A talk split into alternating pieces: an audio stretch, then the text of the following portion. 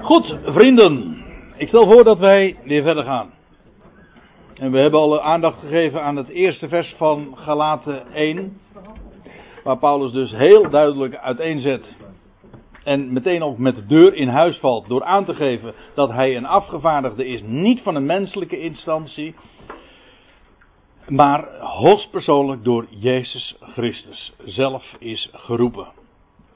Vanuit de hemel. Wel, dat was als het gaat over zijn apostelschap. Nu gaan we het hebben in hoofdstuk 1, vers 11 over zijn evangelie. Want hij zegt dan, of hij schrijft, want ik maak jullie bekend, broeders, dat het evangelie, het welk door mij verkondigd is, of eigenlijk uh, wordt, en letterlijk staat er geëvangeliseerd wordt, waar ik u eh, al de eerste avond al op wees, dat hier gewoon het eh, werkwoord gebruikt wordt voor het evangelie. Het goed berichtiseren, weet u nog, dat uh, woord gebruikte ik toen. Het, e-, het evangelie dat door mij geëvangeliseerd wordt. En nu, hij vangt dus heel plechtig aan met te zeggen, ik maak jullie iets bekend. Dus let op wat ik nu ga vertellen. Dat het evangelie, het welk door mij geëvangeliseerd wordt, niet is naar de mens. In overeenstemming met mens. Een mens zou er niet opkomen. Het is niet, geen menselijk evangelie. Meestal wordt het woordje menselijk als een compliment opgevat. En in een bepaalde context kan dat ook. Als iemand heel erg menselijk is, dan zeggen nou, dat eh, is wel een wel een aanbeveling. Maar als je dat van het evangelie zou zeggen, dan is dat bepaald geen aanbeveling. Oh ja. Heel goed dat je dat even zegt. Voor de geluidsweergave toch wel wat beter. Dankjewel. Wat kan een mens non-verbaal al niet doorgeven? Hè? Alleen maar even dit te doen.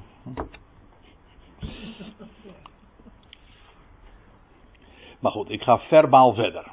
Dat is misschien wel handiger ook voor dit.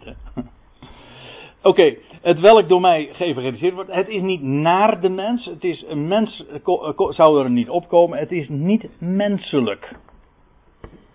En dat is nu juist waarom het wel de waarheid is. Kijk, religie, God, godsdienst, is wel naar de mens. En Paulus zegt het niet voor niks ook op deze wijze tegen die Galaten. De boodschap waar zij nu van afgebracht waren, door Judaïsten, mensen die weer de Joodse wet wilden in, of weer, maar de Joodse wet wilden invoeren daar in die Ecclesia's, die juist gevormd waren vanuit het evangelie van Paulus. En nu waren, ze, nu waren daar Judaïsten gekomen, de mensen die zeiden dat je de Sabbat, de dagen, de rituelen moest onderhouden om toch beter te zijn, om, om, een, om als een rechtvaardige te leven. Om gerechtvaardigd te worden, dat wil zeggen om als een rechtvaardige te leven heb je de wet nodig. Dat waren hele subtiele leringen. En ik zal u dit vertellen. Ze waren toen actueel en dat zijn ze nog steeds. En onverminderd. En zelfs weer in hernieuwde mate. Hoe dan ook. Uh, waren gekomen die dat zo uh, aan, onder de natieën brachten. En dat was heel naar de mens. Heel sterk. Menselijk gedacht. Zo van, ja, je bent nu geroepen uh, in genade. Dus volledig zonder verdiensten. Maar ja, nu gaan we toch verder. En nu zou de mens toch ook wat doen. Komt het u bekend in de oren?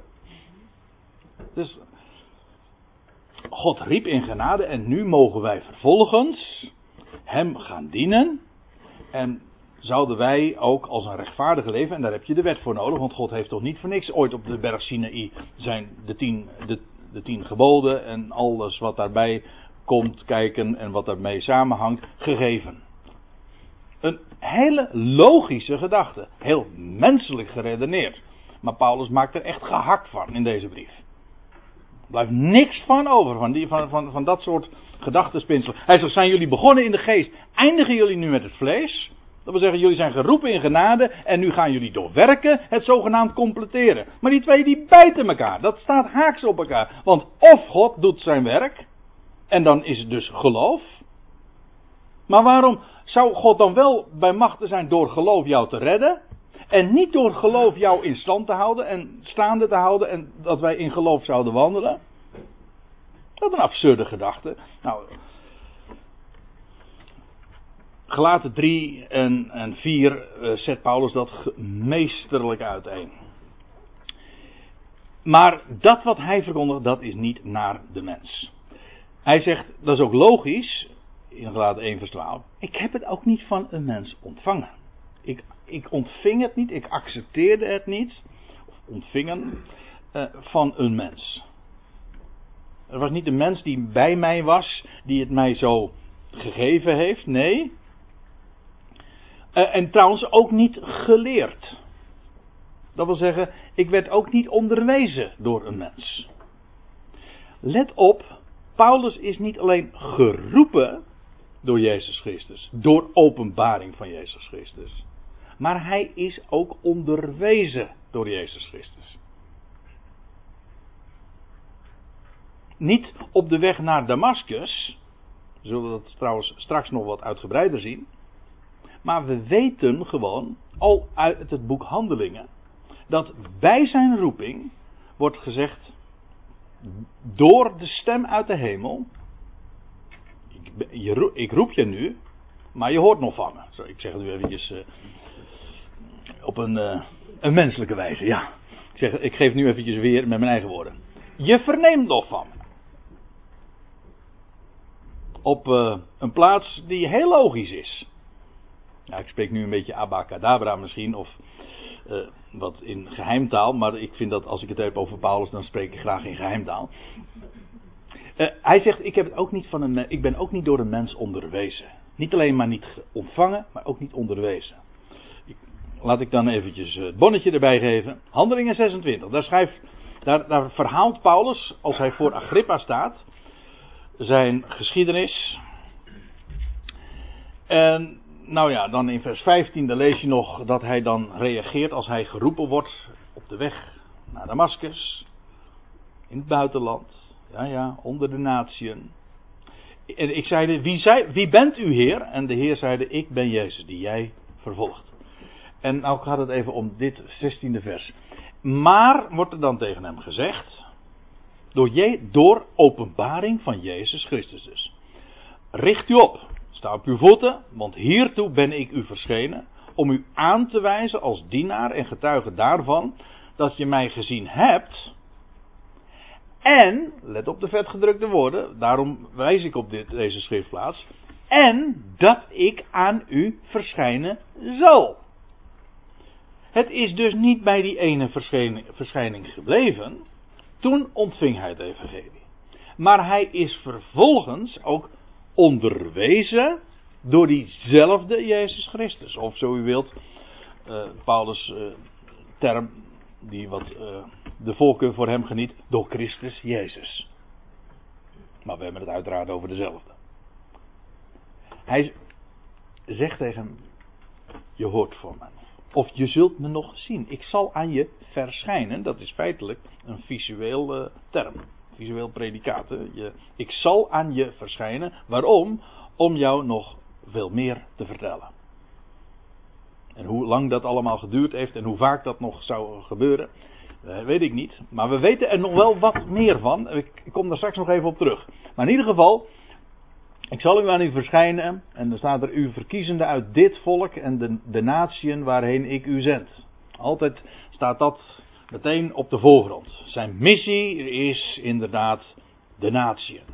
En feitelijk, als hij naar Israël gaat, als hij iedere keer de synagoge als eerste bezoekt, weet u waarom hij dat bezoekt? Nou, om meerdere redenen. Om inderdaad te vertellen wie Jezus is, namelijk de Messias. Maar ook om te vertellen, ik ben gezonden naar de natie. En daarom is Paulus die, die, dat struikelblok voor zijn volk als geen ander, omdat hij juist onder hen vertelde: Ik ben gezonden naar de natie. Israël staat nu terzijde. Dat mocht, dat mocht hij aan de synagoge vertellen. Nou, het staat. Is een mooie missie hoor. Het was geen dankbaar woord onder zijn volk. Ik kom jullie nu vertellen dat jullie nu tijdelijk terzijde staan. Heeft hij het over de Messias, terwijl zij toch het volk bij uitstek zou, zouden zijn. En in hun gedachte, in hun hele perceptie was het zo, dat als de Messias komt, dan is dat in de eerste plaats voor Israël. En nu komt daar dat mannetje Paulus, en die komt daar in de synagoge en die gaat vertellen, uh, jullie, jullie, ik kom jullie vertellen dat jullie aan de kant geschoven zijn en nu gaat de boodschap aangaande de Messias. En nog veel meer rijkdom wat jullie nooit van gehoord hebben. Het is altijd verzwegen. Dat gaat nu eerst naar de natie. Dat was niet leuk. Voor hen. Ja. Maar laten we even verder gaan. Galaten 1. Ik heb het ook, hij zegt, het is niet naar de mens. Nee, ik heb het ook niet van een mens ontvangen, zegt hij. En evenmin geleerd. Ik ben er evenmin door onderwezen door een mens. Maar, zegt hij, door openbaring, hier weer, het is de uitdrukking die we nu al vanavond diverse keren zijn tegengekomen, door onthulling, door apocalypsis. Dat is het woord wat hier gebruikt wordt. Het woord apocalyps, dat is de naam van een, en de titel van een bijbelboek. Maar het betekent eigenlijk, ja, openbaring, maar nog preciezer, een onthulling. Zoals een beeld onthuld is, wordt dat eerst, het was eerst bedekt en dan wordt het vervolgens onthuld. Het was verborgen en dan wordt het bekendgemaakt. Dat is wat openbaring is. Of onthulling, zo u wilt. Door onthulling. Hoe? Dat evangelie, ja, laat ik het zo zeggen. Het evangelie dat hij bracht is niet naar de mens. Hij heeft het niet van een mens ontvangen. Hij heeft het niet door het is hem niet door een mens geleerd, maar door onthulling van Jezus Christus zelf. Dat wil zeggen, Jezus Christus zelf heeft, is aan hem verschenen, maar alles wat, wat hij vertelt, dat evangelie dus, is ook onthuld aan hem door Jezus Christus.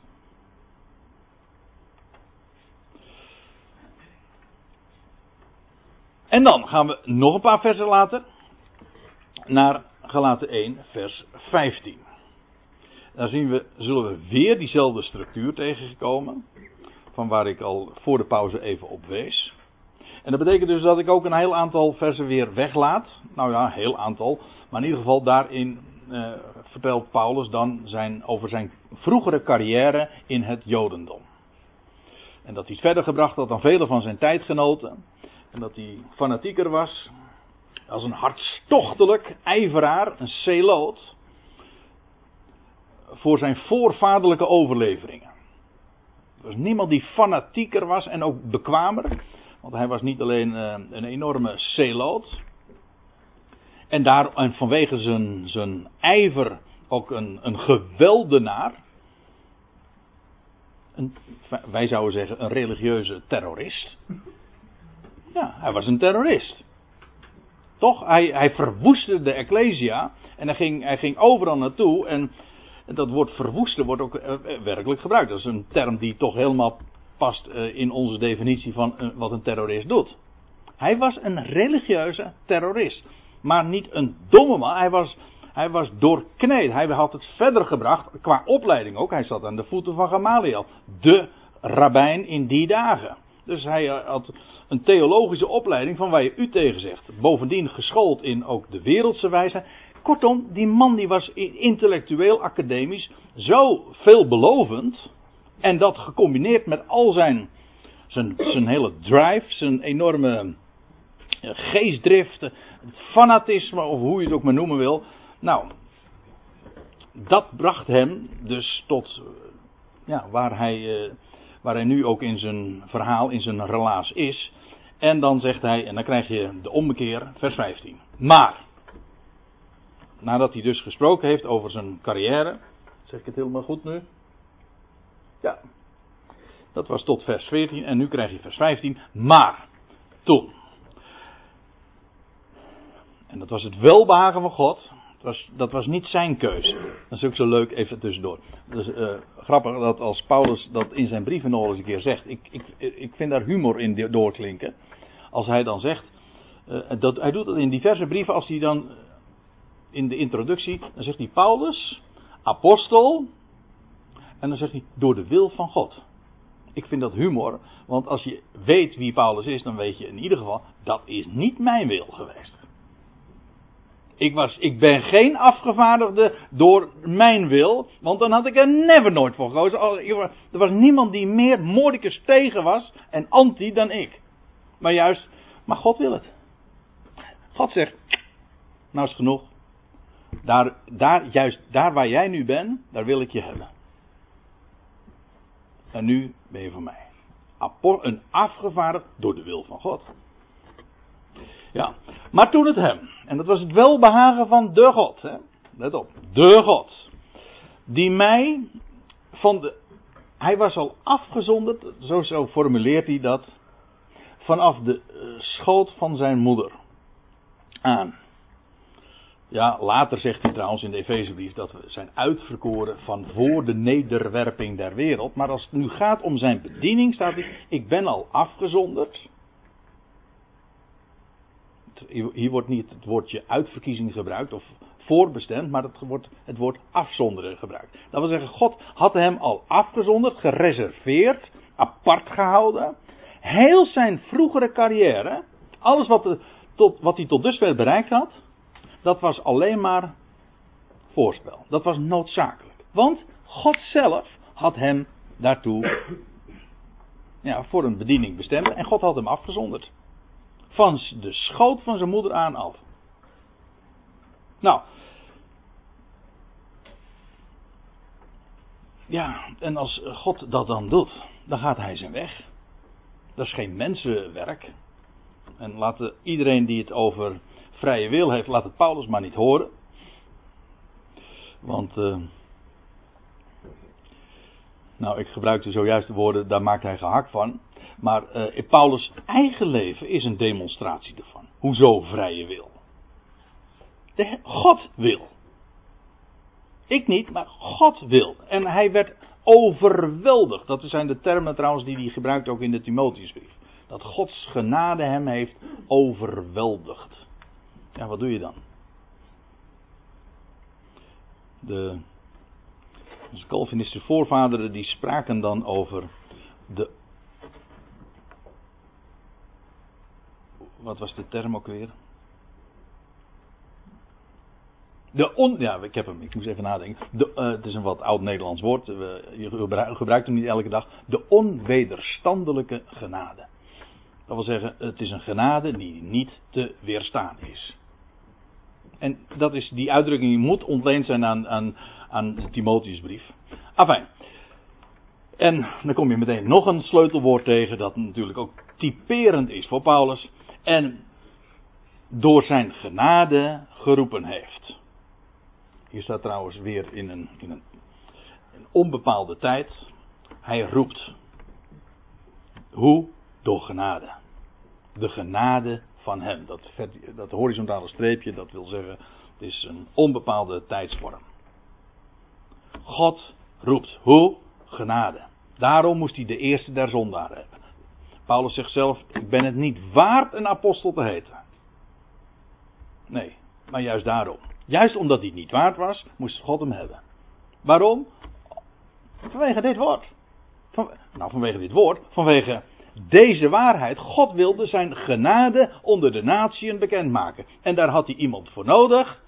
Die in zijn leven zelf al een display daarvan was. Van genade. Iemand die het dus totaal niet verdient, of die ook die naar de mens gesproken, heb je het weer, die naar de mens gesproken totaal geen aanspraak zou kunnen maken op apostel te zijn of afgevaardigde van Jezus Christus, maar juist daarom werd hij het. Dan zie je alleen daarin al dat het niet naar de mens is. Nou, en het had hem behaagd. Het was het welbehagen van God dat hij zo geroepen werd. In en door genade.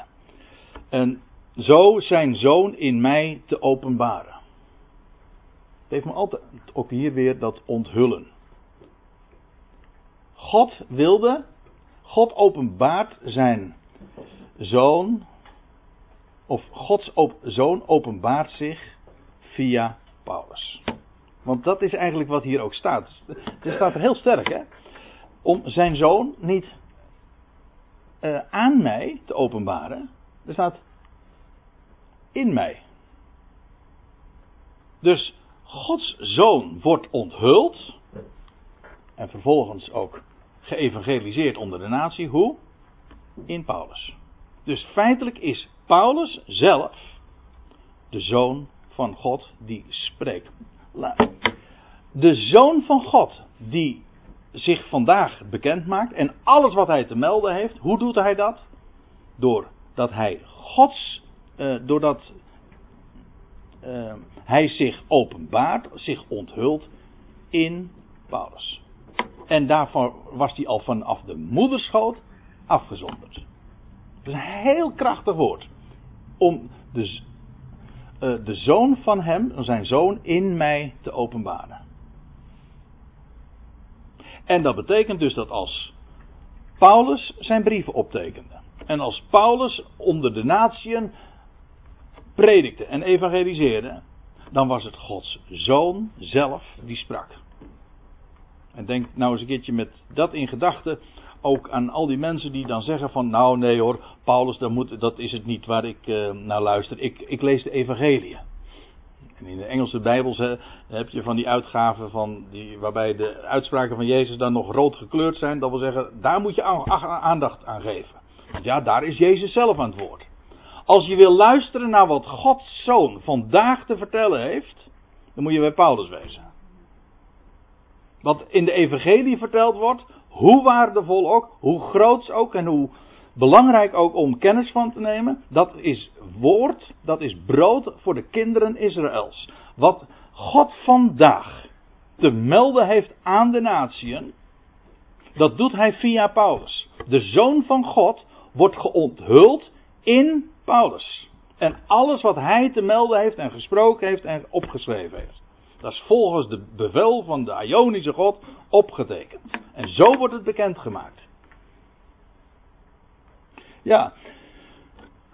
Opdat ik hem onder de natieën uh, verkondigen zou. Of ook hier weer trouwens datzelfde, uh, dat werkwoord.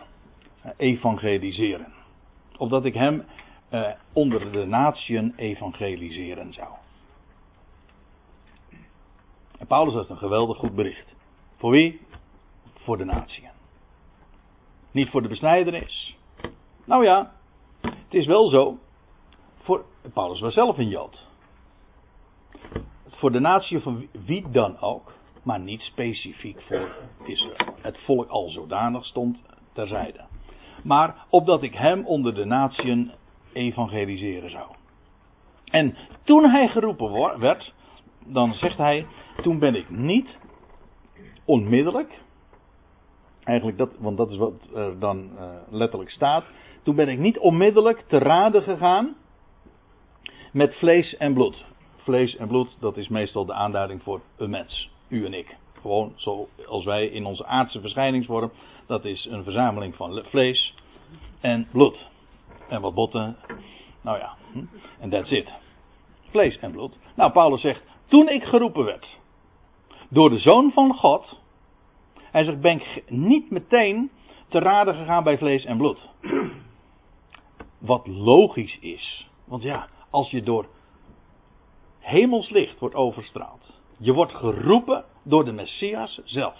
Een complete ontgoocheling moet dat geweest zijn eh, ten opzichte van wat hij altijd gedacht en gemeend heeft. En waar hij zo actief in was. Zijn hele wereld werd op zijn kop gezet. Ja. Bij wie moest, bij wie moest hij nu te raden gaan?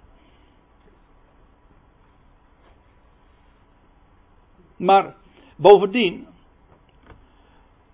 die stem uit de hemel, die had hem verzekerd: Ik heb je nog veel meer te melden en ik zal aan je verschijnen. Ik heb je nog wat te onderwijzen. Ik zeg wat, maar heel veel te onderwijzen. Nou, en dus is Paulus geen, niet uh, te raden gegaan met vlees en bloed. Wie dan ook. En dan zegt hij: Ik ben ook niet naar Jeruzalem gereisd. Daar zou je van kunnen denken: van nou, dat is, ligt voor de hand. Daar waren toch mensen die ook inmiddels ook het evangelie daar van Jezus Christus. Die hij vervolgde ooit. Maar goed, nu was hij tot inzicht gekomen. Die Jezus, die zij verkondigen, is inderdaad de Christus. Dus wat, dan zou je denken: van nou, laat ik dan naar Jeruzalem gaan. Dat had op zich een logische stap geweest. Maar hij heeft het niet gedaan. Hij zegt: Ik ben niet te raden gegaan met vlees en bloed. En ik ben evenmin ook niet. Eh, ben ik gereisd naar, naar Jeruzalem. Tot hen die reeds voor mij apostelen of afgevaardigden waren. Hoe logisch ook, hij heeft het niet gedaan. Hij realiseerde zich natuurlijk ook. Als hij vanuit de hemel mij roept. En ook zal onderwijzen. Bij wie moet ik dan wezen? Dan ga je toch niet naar de mens toe, zelfs niet naar degene die al voor hem apostelen waren. Die hier op, die hier op aarde waren onderwezen door Jezus Christus. Maar hij was nu geroepen door inderdaad dezelfde, Jezus Christus, maar inmiddels in een hemels licht die hem was, uh, die hem was uh, verschenen en die hem had beschenen en door wie hij geroepen was. Die zegt, ik heb je nog veel meer te melden. Dus waarom zou hij naar Jeruzalem gaan? Hoe logisch die stap ook zou zijn, dat lag niet voor de hand. En dat zou ook, in feite zou die daarmee, de stem die hem geroepen had, ongehoorzaam zijn. Dus, hoezo? Waarom zou hij dat doen? Maar, zegt hij, ik ben naar Arabië vertrokken. Ja. En dat weet Arabië. Als je dit trouwens wil uh, weten waar dat geplaatst moet worden in het relatie in handelingen, want in het boek Handelingen vind je dit niet terug. Zijn reis naar Arabië wordt daar niet vermeld. Daar wordt wel verteld van dat hij geroepen werd en dat hij vervolgens, uh, hij is een paar dagen blind, wordt uh, weer ziende gemaakt en dan lees je vervolgens dat hij in de, in de synagoge van Damascus ook gaat prediken. Maar in die tussentijd is hij eerst, hij is, hij is ziende geworden. En vervolgens is hij meteen, zodra hij daar in, daartoe in staat was, onmiddellijk is hij dus naar Arabië gegaan. En hoezo Arabië? Nou, dat woord Arabië, dat kom je nog maar één keer tegen in het Nieuwe Testament. Twee keer dus in totaal. En alle tweede keer in de gelaten brief. Namelijk hier in Galaten 1 vers 17 en in hoofdstuk 4 vers 25. Daar wordt gesproken over de berg Sinaï in Arabië. Nou, dat is geografisch een heel interessant uh, gegeven. Maar dat laat ik even aan, aan, aan uh, nu voorbij gaan. Het gaat me nu even om het punt. Sinaï, of laat ik het anders zeggen, Arabië is gekoppeld aan Sinai. Dat is waar God zich ooit openbaarde aan Israël. Toen het oude verbond startte, toen begon dat bij in Sinai, op, ja, op Sinai en in Arabië. Waar trouwens ook later uh, niet alleen Mozes, uh, waar de Heer aan Mozes is verschenen en waar, waarin Mozes, waar Mozes uh, Gods wegen bekendgemaakt werden maar later ook aan de profeet Elia. Feitelijk, het onderwijs van Mozes en de profeten. Mozes, Elia twee representanten daarvan. Eigenlijk de twee representanten van de Tenach, van het Oude wat wij het Oude Testament noemen. Die zijn onderwezen bij de Sinaï. Sinaï staat eigenlijk model, of laat ik nog anders zeggen, Arabië en daarmee dus ook de Sinaï, staan model voor de plaats waar God zich openbaart. En zijn woord geeft. En als nou de Heer zegt, op de weg naar Damascus, tegen Paulus, toen nog Saulus, ik zal aan jou verschijnen, waar zou dat gebeuren? In uh, handelingen 26 wordt dat verder niet vermeld. Maar we weten gewoon één ding zeker Saulus is linea recta, onmiddellijk, zodra hij in de gelegenheid was, is hij naar Arabië gegaan. Dat weten we wel. Waarom? Hij ging niet te raden bij vlees en bloed. Bij wie dan wel? Nou, bij de Heer zelf natuurlijk. Die aan hem zou verschijnen. En dus in Arabië. Het is niet zo moeilijk hoor. Als je, als, als je, wat zei je, Jacob? Het is place. Ja, precies. Het is place.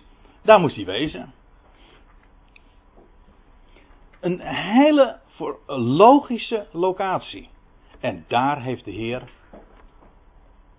Paulus, zo wilt Saulus, want zijn bediening onder de natie, dat zou nog een tijdje duren. Maar daar is hij onderwezen. Hij heeft het niet ontvangen en niet geleerd van een mens, maar door Jezus Christus. Door openbaring van Jezus Christus. En vervolgens is hij weer teruggekeerd naar Damascus. En dan lees je ook daadwerkelijk dat hij ook meteen, als hij in Damascus is, gaat verkondigen in de synagoge dat Jezus is, de Christus en Gods Zoon. Lees het maar na in Handelingen 9. Zeg het goed? Ja, Handelingen 9.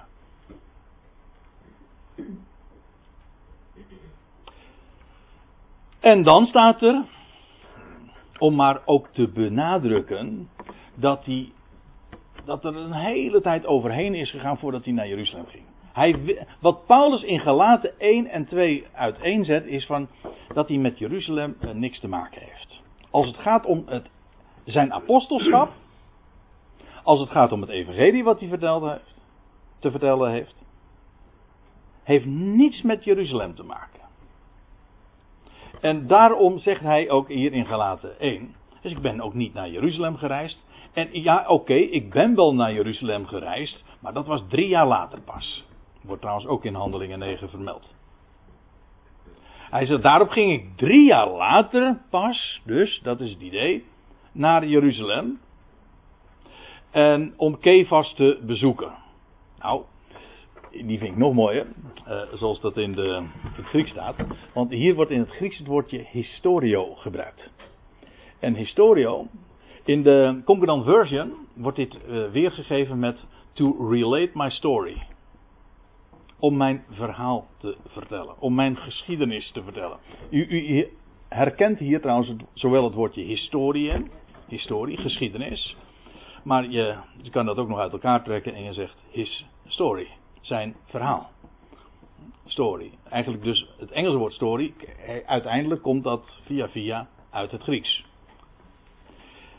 En weet je wat ik nou zo mooi daarvan vind? Nou gaat Paulus naar Jeruzalem. Niet om alsnog instructies te krijgen tot degene die eigenlijk de oudste rechten hadden, zou je zeggen. Nee, Paulus ging niet om geïnstrueerd of onderwezen te worden in Jeruzalem. Hij was onderwezen inmiddels. Door de hoogste instantie. En bovendien, hij had een update gekregen. Om het eventjes in computertermen te zeggen. Hij had, de, hij had de laatste informatie. Hem waren geheimen nu verteld. Die tot die tijd altijd verzwegen waren. Waar dus die, sorry, waar die uh, apostelen in Jeruzalem helemaal geen idee van hadden. Dat wisten zij niet. Ze waren geroepen door Jezus Christus, hadden dat evangelie van de besnijdenis, daarover de volgende keer meer, te horen gekregen. Ja, maar wat Paulus allemaal bekendgemaakt was, inmiddels, daar hadden zij geen notie van. Konden ze ook niet hebben. Maar Paulus had die update dus. Dus als hij een paar jaar later inderdaad naar Jeruzalem gaat, dan was dat niet om onderwezen te worden of geïnstrueerd te worden door door uh, die mensen en de apostelen in Jeruzalem. Nee, hij ging inderdaad wel om naar Kefas toe. Dat wil zeggen Petrus dus. Maar niet om door hem onderwezen te worden, maar opdat Kefas Paulus verhaal zou horen. Niet dat Paulus het verhaal van Petrus zou horen. Om zo kom in de kring. Jij mag nu ook een apostel zijn. Nee, nee, nee, nee. Hij hoefde niet geautoriseerd te worden. Hij was geautoriseerd. Hij was afgevaardigd. Niet door een mens, ook niet door Jeruzalem. Het was niet zo dat hij, nu, zoals dat met een deftig woord, geaccrediteerd was, geautoriseerd, gecertificeerd, zeg maar, voor, door, door het college in Jeruzalem. Nee, nee, nee, nee. Hij was afgevaardigd door Jezus Christus vanuit de hemel. En nou gaat hij inderdaad een paar jaar later naar Jeruzalem toe, maar alleen maar om aan Kefas zijn verhaal te vertellen. Trouwens om nog meer redenen, maar in ieder geval ook dat. Als het gaat om zijn connectie met Jeruzalem is het dit. En zegt hij dan nog, ik bleef 15 dagen bij hem, dus hij heeft een heleboel kunnen vertellen, toch wel. En hij zegt, ik zag geen van de andere, uh, geen ander van de apostelen dan alleen Jacobus, de broer van de Heer. Die inmiddels een leidende positie daar ook in Jeruzalem heeft uh, gehad. Met andere woorden, hij zegt, met de apostelen daar in Jeruzalem heb ik helemaal geen, geen, geen contact gehad. Ik ben bij Kefas geweest, maar om mijn verhaal te vertellen. En ik, van de apostelen heb ik niemand gezien dan alleen Jacobus, maar die, daarvan zegt hij alleen maar, ik heb hem alleen maar gezien. Meer niet om aan te geven, mijn apostelschap en het evangelie wat ik vertel, staat helemaal los van Jeruzalem. En de apostelen die daar gezetteld waren. En hij zegt dan nog met nadruk, wat ik u schrijf, zie, voor het aangezicht van God, ik lieg niet. Waarmee Paulus dus iets heel duidelijk onderschrijft. Dit is zo belangrijk. Dit evangelie wat ik vertel is uniek. Niet van een mens, niet door een mens. En nou wil ik u tenslotte nog een schemaatje laten zien. Waarin ik dat patroon uh, demonstreer waar ik het al eerder voor de pauze over had. Hier zie je dus een viertal kolommen. Hier de schriftplaatsen waar we het nu uh, over gehad hebben. En dan zie je dat patroon van niet puntje, puntje, puntje. Nog, puntje, puntje, puntje. Maar, en hier gaat het dan over de onderwerpen. In Galaten 1 vers 1 gaat het over het apostelschap. In Galaten 1 vers 11 en 12 gaat het over het evangelie, het goede bericht dat hij vertelde. En in de laatste versen waar we het zojuist over hadden, over de bediening die hij had onder de natie. En dan zegt hij, het is niet van een mens, ook niet door een mens, maar door Jezus Christus en God de Vader. In hoofdstuk 1, vers 11 en 12 zegt hij: Dit evangelie is niet naar de mens, noch ontvangen of geleerd door een mens, maar door openbaring van Jezus Christus. Dan gaat het over het evangelie. En dan in het laatste gedeelte gaat het. Hij is toen hij geroepen werd niet te raden gegaan bij vlees en bloed, nog of ook niet naar Jeruzalem gegaan, maar naar Arabië. En u ziet, dit patroon, je kan nu dus invullen, daar in Arabië is die door Jezus Christus zelf onderwezen. En de bediening die hij van, uh, had onder de natieën, die is hem door Jezus Christus geïnstrueerd en verteld en onderwezen en door openbaring. Zodat deze eerste twee kolommen, of deze tweede en derde kolom zo u wilt, onderstrepen dat wat Paulus was afgevaardigd. Wat hij te vertellen had, dat dat niet menselijk is. Zelfs dus niet vanuit Jeruzalem. Het staat los van de apostelen. En we zullen daar de volgende keer ook uh, wat uitgebreider nog bij stilstaan. Vooral ook die verhouding tussen Paulus en, en de anderen. Maar hoofdstuk 1 zet al zo duidelijk uiteen. Het is hem door openbaring bekendgemaakt.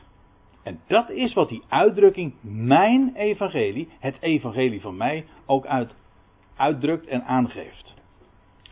Wat we trouwens al meteen al in de aanvang van de avond zagen, namelijk in Romeinen 16, waar hij die uitdrukking gebruikt. Mijn evangelie, het is door openbaring van een geheim bekendgemaakt. Dus uniek aan hem toebedeeld. En wat een enorm voorrecht is het, en daarmee wil ik dan ook afsluiten, om in deze tijd van onderbreking, die inmiddels trouwens ten einde uh, loopt, die termijn is zo'n beetje voorbij, maar om in die onderbreking, bij het licht van wat deze afgevaardigde van Christus Jezus vanuit de hemel allemaal ontvangen heeft en onderwezen heeft gekregen, om ons licht op te steken bij Hem. En te luisteren naar wat Hij te melden heeft. Want Gods Zoon openbaart zich in Hem nu, vandaag.